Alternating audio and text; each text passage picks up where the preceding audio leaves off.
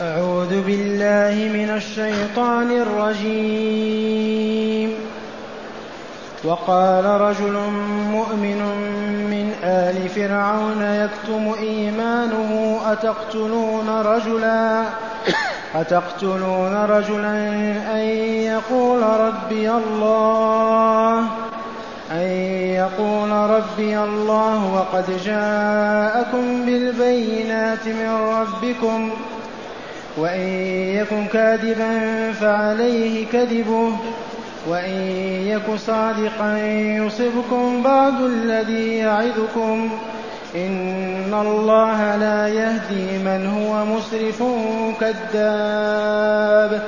يا قوم لكم الملك اليوم ظاهرين في الأرض. ظاهرين في الأرض فمن ينصرنا من بأس الله إن جاءنا؟ قال فرعون ما أريكم إلا ما أرى وما أهديكم إلا سبيل الرشاد. معاشر المستمعين والمستمعات من المؤمنين والمؤمنات ما زلنا مع فرعون وموسى عليه السلام. موسى أرسله الله إلى فرعون. وفرعون طاغية جبار متكبر ادعى الربوبيه والألوهية. إذ قال لقومه ما علمت لكم من إله غيري. وقال أنا ربكم الأعلى. ما طغى هذا الطغيان أحد قبل فرعون أو بعده. ادعى الربوبية والألوهية. كما أخبر تعالى بذلك إذ قال عنه قال ما علمت لكم من إله غيري. وقال أنا ربكم الأعلى. كما في سورة النازعات. فبعث الله تعالى إليه موسى ذاك النبي الصالح ذاك الذي تربى في حجره. موسى تربى في حجر فرعون. إذ أخذوه وربوه ولما كمل وأصبح بالغ سن رشد حدث منه حادث القتل فما كان منه إلا أن خرج من الديار المصرية متجها شرقا. إلى مدين. ومن عجائب أحداث التاريخ أن موسى راعى غنم شعيب عشر سنوات. عشر سنين وهو يرعى الغنم. وزوجه شعيب بابنته وكان المهر هو راعي الغنم عشر سنوات. ثم لما بلغ سن التكل سن الوحي بلغ الأربعين سنة أوحى الله إليه ونبأه وهو في طريقه إلى مصر. ووصل إلى مصر ودعاهم إلى أن يعبدوا الله وحده ولا يشركوا به سواه. وطلب من فرعون أن يسمح لبني إسرائيل بالعودة إلى ديارهم. وإذا بفرعون يطغى ذاك الطغيان ويقول ذروني أقتل موسى. اتركوني أقتل هذا الرجل الذي يريد أن يفسد عليكم دينكم ودنياكم. إذا وبين الحاضرين من رجال فرعون رجل مؤمن يقال له شعب شب شبعان كسلمان. يقال له يقال له شمعان على وزن سلمان شمعان لعله من الشموع. مؤمن ابن عم فرعون. وبما أنه يحرص الجدال والحجاج بين موسى وبين فرعون وملئه دخل الإيمان في قلبه وامتلأ به وأصبح مؤمنا حق الإيمان لكن لا يستطيع أن يقول لفرعون آمنت بموسى. يقتله. ويجوز كتمان الإيمان لضرورة القتل. إذ قال تعالى إلا من أكره وقلبه مطمئن بالإيمان. إذ كان المشركون في مكة يضربون المؤمن بالعصا يجلدونه جلدا ويطلبون منه أن يقول كلمة الكفر. ويصعب يصعب عليه أن يقولها فأوحى الله إلى رسوله صلى الله عليه وسلم هذه الرخصة إلا من أكره على كلمة الكفر وقلبه مطمئن بالإيمان. ولكن من شرح بالكفر صدرا فعليهم غضب من الله. فهذا المؤمن واسمه شمعان ابن عم فرعون وفي بيته وفي مجلسه آمن لما سمع من الحوار وجدال سنوات بين فرعون وموسى. فآمن. فلما قال فرعون تلك القول الخبيثة اتركوني أقتل موسى وليدعو ربه. قال فرعون قال وقال رجل فتكلم هذا الشمان وهو رجل مؤمن من آل فرعون. ولكن يكتم إيمانه يجحده ويغطيه ماذا قال هذا الرجل المؤمن الذي يكتم إيمانه؟ خوفا من فرعون وملئه. قال أتقتلون رجلا أن يقول ربي الله؟ أمن العقل هذا؟ أم من المنطق؟ أم من الأدب؟ أم من السياسة الرشيدة؟ أتقتلون رجلا أن يقول ربي الله؟ لم تقتلونه؟ فهذا الاستفهام للإنكار والتوبيخ لهم. أتقتلون رجلا أن يقول ربي الله؟ وهو يعني بذلك موسى عليه السلام. لم تقتلون موسى؟ ما قال لفرعون يا فرعون تقتلوا. لكن قال تقتلون لأن فرعون يتكلم برجاله بملئه. ما هو وحده؟ أتقتلون رجلا أن يقول ربي الله؟ كيف تقتلونه؟ ثانيا وقد جاءكم بالبينات من ربكم. لا من فرعون من رب السماوات والأرض رب العالمين. جاءكم بالبينات والحجج والبراهين القاطعة وحسبنا في ذلك العصا التي كان يرعى بها الغنم في مدين. عشر سنوات. ماء يضربها في موكب السحرة حتى تتلقف كل ذلك السحر وتبطله. يده بيضاء كفلقة القمر. قال تعالى في سبع آيات أخرى خمس آيات. فأرسلنا عليهم الطوفان والجراد والقمل والضفادع والدم. آيات. فصاحب هذه الآيات كيف يراد قتله أو يمكر به أو لا يؤمن به لا يؤمن به؟ وقد جاءكم بالبينات من ربكم. فهو يقرر أن رب ليس فرعون بل ربنا خالقنا ورازقنا وموجد هذا الكون كله. الله.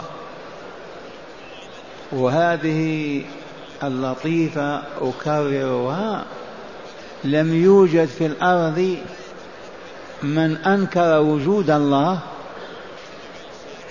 في قرون عديدة من عهد آدم إلى منذ 150 سنة لما وجدت الشيوعية. والشيوعية أوجدها اليهود. هم الذين نظموا ذلك المبدأ وقننوه ونشروه في العالم. وأول من تورط فيه النصارى المسيحيون. روسيا مسيحية من أول إلى آخرها. تحولت إلى بلشفة حمراء وشيوعية منكرة. فأصبحوا يقولون لا إله. لا إله. والحياة مادة فقط.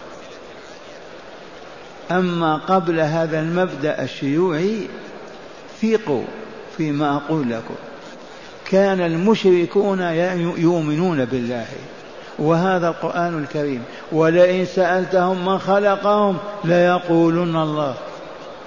ولئن سألتهم من خلق السماوات والأرض وسخر الشمس والقمر ليقولن الله فأنا يؤفكون إذا فهذا المؤمن قال ربي الله لأن كلهم يؤمنون بوجود الله. أتقتلون رجل أن يقول ربي الله لا إله إلا هو وقد جاءكم بالبينات من ربكم. ما أفصحت عن المبدأ الشيوعي الذي نشره اليهود لماذا؟ لما رأوا الإسلام ضدهم والمسيحية ضدهم والعالم أغلب من فيه نصارى ومسلمون. فلا يستطيع اليهود أن يكملوا أو يسعدوا بين فكي المقراض بين المسلمين والنصارى وخاصة النصارى. المسلمون يرحمون اليهود ولا يسيئون إليهم.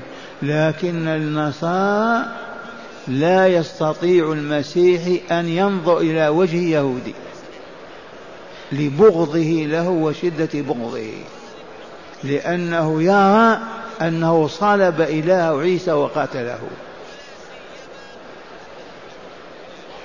فلما انتشر هذا المذهب خف الضغط عن اليهود وأصبحوا الآن يملكون أوروبا وأمريكا. بالسياسة المنتنة بالمال وغيره. وتورط في هذا المسلمون لكن أفراد قلائل يعرفون بالعلمانيين والملاحدة والشيوعيون. وشاء الله أن يهبط أن يهبط هذا المذهب الشيوعي وتنتهي آثاره شيئا فشيئا. وأصبحوا يتنقلون إلى مذاهب أخرى. ما هي؟ قالوا العلمانية. ما معنى العلمانية؟ صلي العلم. لو تفعل كذا أسكت العلم. فنسبوا كل شيء إلى العلم فقط ليبعدوا عن الناس الإيمان بالله الخالق الواهب الرازق. العلمانية. فهذا شمعان من آل فرعون مؤمن بالله عز وجل. فقال لفرعون ورجاله في دولته كيف ما كيف أتكفرون أتقتلون رجلا أن يقول ربي الله؟ وقد جاءكم بالبينات من ربكم. حجج كالشمس والقمر. كيف لا تؤمنون بالله وتقتلون ولي الله ورسول الله؟ ثم قال لهم على فرض وإن يك كاذبا فعليه كذبه ليش تقتلونه؟ أي داعي إلى قتل موسى. هو يخاطب فرعون مع المجموعة. وإن يك كاذبا فعليه كذبه. نتائج الكذب وآثار الكذب تعود على الكاذب. لا عليكم أنتم. لم تعملون على قتله وتريدون قتله؟ وإن يك كاذبا فعليه كذبه. لكن وإن يك صادقا يصيبكم بعض الذي يعيدكم فأنتم بين أمرين إن كان كاذبا ما يضركم كذبه خلوه يكذب يدعي أن هناك إله غير فرعون ويطلب الناس بعبادته. وإن كان صادقا فيما يقول فلا بد وأن يصيبكم بعض الذي يعدكم. لا بد من عذاب وإن يك صادقا يصيبكم بعض الذي يعدكم به من عذاب الله عز وجل في الدنيا والآخرة. وكان ذلك فرعون وملأه مئة ألف كلهم غارقوا في البحر في الدنيا قبل الآخرة. وإن يك كاذبا فعليه كذبه. دعوه يكذب آثار الكذب ونتائج تعود عليه هو. لا عليكم أنتم. وإن يك صادقا فيما يقول ويدعو إليه يصيبكم بعض الذي يعدكم. ووالله لقد كان وأصابهم. إذ غرقوا أجمعين. ثم قال إن الله لا يهدي من هو مسرف كذاب. هل هذه قولة الله أو قولة المؤمن شمعان؟ جائز أن تقول قالها الله أو قالها شمعان.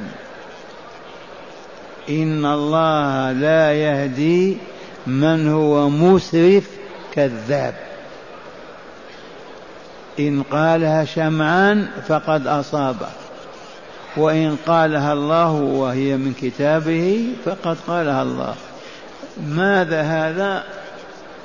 توعد المسرفين الكذابين. ومن هنا معاشر المستمعين والمستمعات نعرف هذه الجريمة جريمة الإسراف وجريمة الكذب. فالإسراف محرم والكذب محرم. لكن الذي يتوغل في الإسراف ويكثر كالذي يتوغل من الكذب لا يهديه الله عز وجل. طابع مطبوع.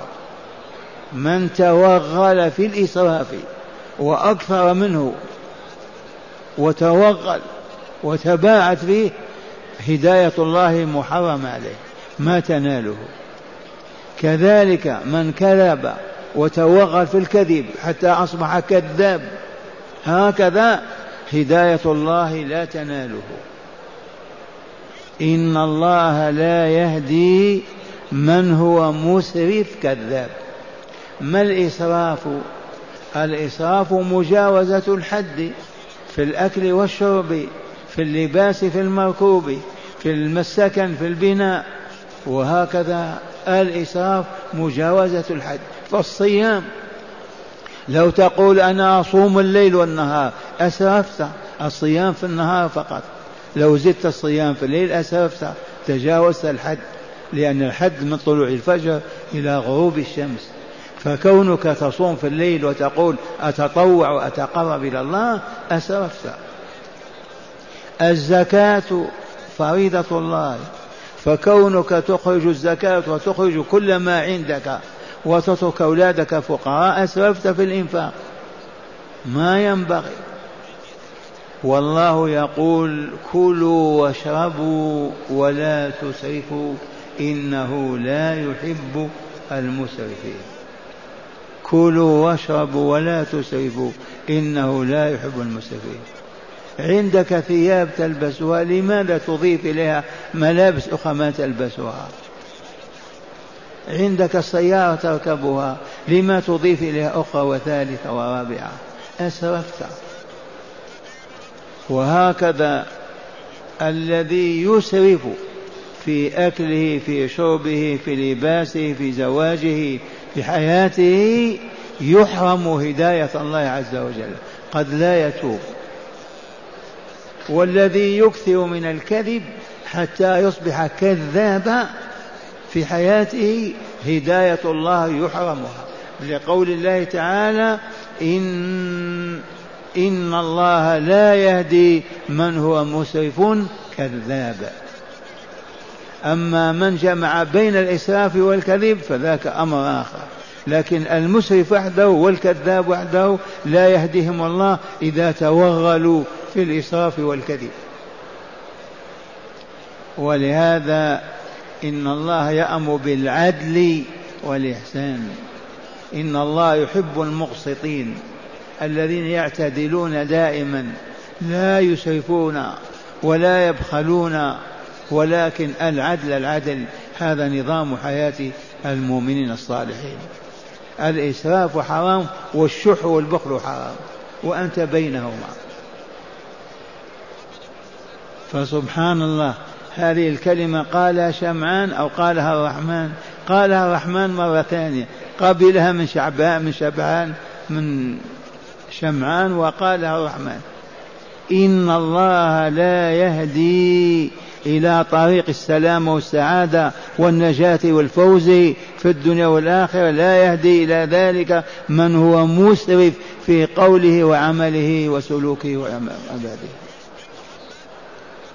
إذا معشر المستمعين والمستمعات ما ننسى هذه الآية.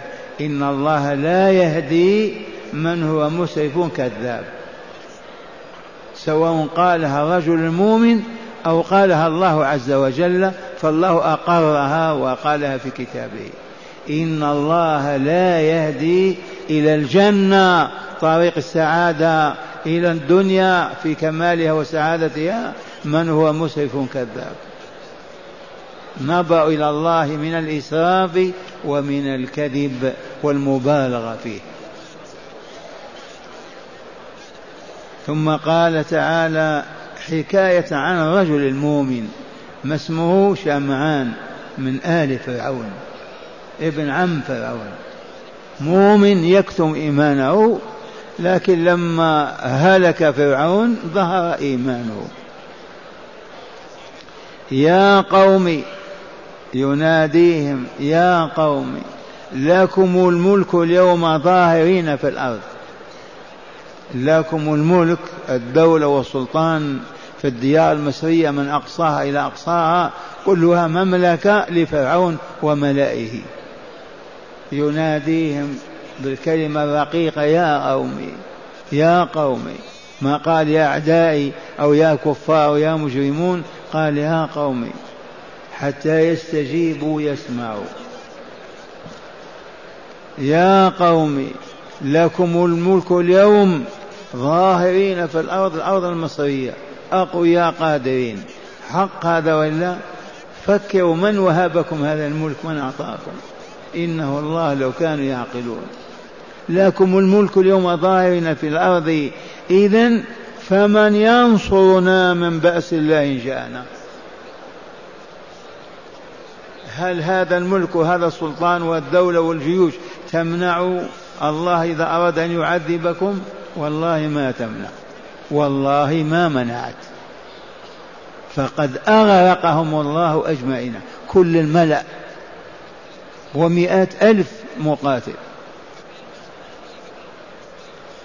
فمن ينصرنا من بأس الله إن جاءنا. فمن ينصرنا من بأس الله ونقمه وعذابه إذا أراد ذلك منا. لا أحد لا أحد. فهيا بنا نؤمن إذن بما جاء به موسى. ونعبد الله وحده ونتخلى عن عبادة فرعون وباطله ومنكره. ونعيش على منهج الحق. ونظام الإسلام. هنا فرعون قالها ما صبر؟ ماذا قال فرعون؟ ما أريكم إلا ما وما أهديكم إلا سبيل الرشاد. كالشيوع لما يتبجح. ونفعل ونفعل ونفعل. كانوا يتبجحون في بلاد العرب أيام الشيوعية. قبل خمس سنوات. ما أريكم إلا ما أرى مما ينفعكم ويعزكم ويصون بلادكم ويحفظكم. وما أهديكم إلا سبيل الرشاد. وهو يرفع الرشاد يعرف الرشاد حتى يهدي إليه يهدي إلى الكفر والضلال. ولكنه تبجح الكلام. ولهذا لما كان الشيوعيون في البلاد العربية كانوا يتبجحون بعظم من هذا وما حققوا شيئا لأمة الإسلام والعياذ بالله. والشاهد عندنا في هذا الرجل المؤمن الذي يكتم إيمانه يقول يا قوم لكم الملك اليوم ظاهرين في الأرض. نعم. فمن ينصرنا من بأس الله إن جاءنا. لا جواب إلا أن يقولوا الله. لو قالوا الله قال آمنوا بالله وادخلوا في الإسلام مع موسى تنجون وتسعدون. فمن ينصر من بأس الله. بدل ما يقول فرعون إيه نعم لا ينصرون إلا الله فهيا نؤمن بالله تعالى يا موسى آمنا. قال هذه الكلمة ما أريكم إلا ما أرى من ما أريد أن أفعله بكم. بكم وفي دياركم. ما أريكم إلا ما أرى أنه يحقق لنا أهدافنا ويحفظ دولتنا وديننا. وما وما أريكم وما أهديكم إلا سبيل الرشاد فقط. وهل يعرف الرشاد وهو كافر فاجر؟ ولكن التقول الباطل. لأنه يزعم أنه رب وأنه إله وأنه وأنه لا بد أن يرد على هذا المؤمن. مرة ثانية اسمعوا الآيات الآيتين. وقال رجل مؤمن من آل فرعون يكتم إيمانه. ما اسم هذا الرجل؟ شمعان. من أي عائلة؟ من عائلة فرعون بن عمه.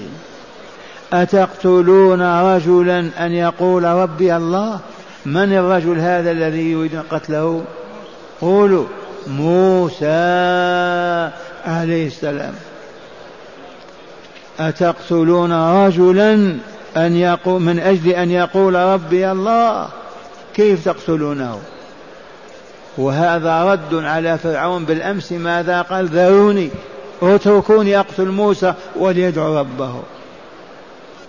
فهو يرد على فرعون بهذا القول. أن يقول ربي الله وقد جاءكم بالبينات من ربكم. كم آية جاءت؟ تسع آيات. ولقد آتنا موسى تسع آيات بينات. فاسأل بني إسرائيل إذ جاءهم. تسع آيات. ثم عاموا وأبوا أن ينظروا إليها من أجل أن يبقوا على ذلك الملك الباطل والطغيان والفساد والشر.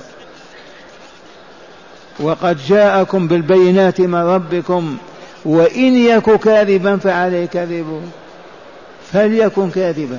هل كذبه يؤثر علينا نحن؟ إحنا اعتزلناه وابتعدنا منه عرفنا كفره وضلاله ونجينا ننجو منه. ما يضرنا ابدا كذبه. وإن يك صادقا يصيبكم بعض الذي يعدكم لا كل الذي يعدكم. أصابهم وإلا لا؟ موسى كان صادقا وإلا لا؟ أصابهم وإلا لا؟ غرقوا أجمعين.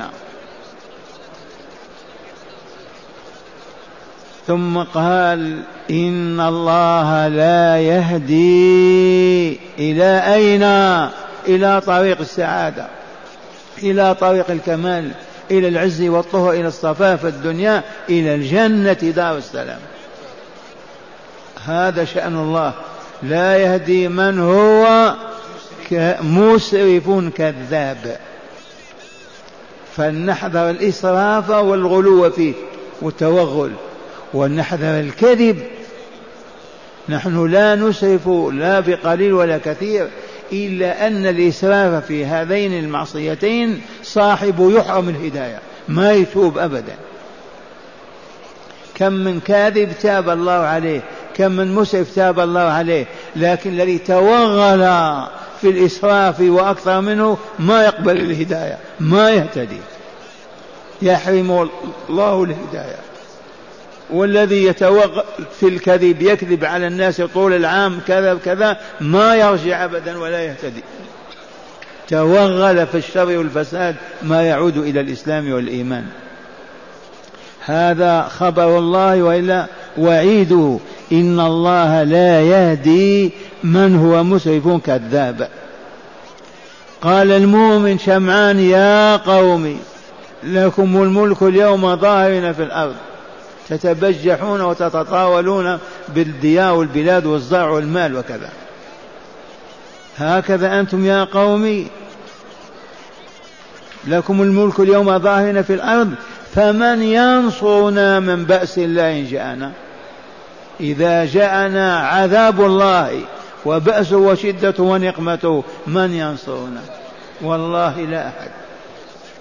إذا فهيا نعدل عن هذا الكفر والضلال وندخل في الإسلام مع موسى وننجو مع بني إسرائيل. لكن أبوا لأن الله كتب شقاءهم لأنهم توغلوا في الإسراف والكذب. فلهذا ما اهتدوا.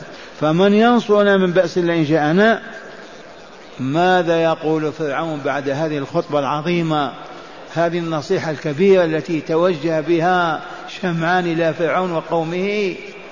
بما يجيب فرعون ماذا يقول؟ قال ماذا؟ ما أوهيكم إلا ما أرى. لا ما يرى غيري أبدا أنا الذي أرى. كيف هدايتكم وإصلاحكم؟ ما أريكم إلا ما أرى وما أهديكم إلا سبيل الرشاد. وهو فسقه وكفر وضلاله يعرف الرشاد. ولعنة الله عليه. هذا ومع هداية الآيتين. قال من هداية الآيات أولا فضل الإيمان وفضل صاحبه فقد ورد الثناء على هذا الرجل في ثلاث رجال هم مؤمن آل فرعون وحبيب النجار ومؤمن آل ياسين وأبو بكر الصديق رضي الله تعالى عنه. أعيد لهم. يقول فضل الإيمان وفضل فضل الإيمان. زيد؟ وفضل صاحبه فقد وفضل صاحب الإيمان. في الآية هداية منها بيان فضل الإيمان وبيان صاحب الإيمان. وبيان فضل صاحب الإيمان. إذ هو ثالث ثلاثة. ثلاثة رجال سماهم الرسول صلى الله عليه وسلم.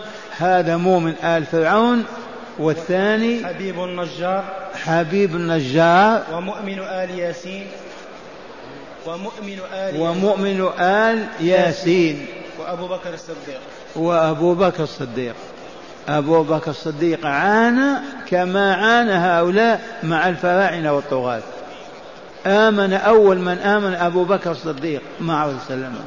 وعانى وقاس ما قاساه أولئك مع هؤلاء. قال الشيخ في النهر غفر الله له ولنا ولوالديه ولجميع المسلمين. روى البخاري وغيره أن المشركين تعرضوا لرسول الله صلى الله عليه وسلم حول الكعبة بسوء فجاء أبو بكر يصرخ فيهم أتقتلون رجلا أن يقول ربي الله؟ فضربوه ضربا شديدا حتى أغمي عليه. فلما أفاق قال, قال كيف رسول الله صلى الله عليه وسلم؟ قال علي رضي الله عنه أبو بكر أفضل من مؤمن آل فرعون. أبو بكر أفضل من مؤمن آل فرعون. لأن أبا بكر ما أخفى إيمانه بل أظهره وأودي ومؤمن آل فرعون كتم إيمانه إيه. ولم يؤذى. وهو كذلك. أبو بكر صرح بإيمانه أما مؤمن آل فرعون كان يكتمه. نعم. فكان أبو بكر أفضل مؤمن من مؤمن آل فرعون قطعا. ثانيا فصاحة مؤمن آل فرعون هي ثمرة إيمانه وبركاته العاجلة فإن لكلماته وقع كبير في النفوس. أعيد.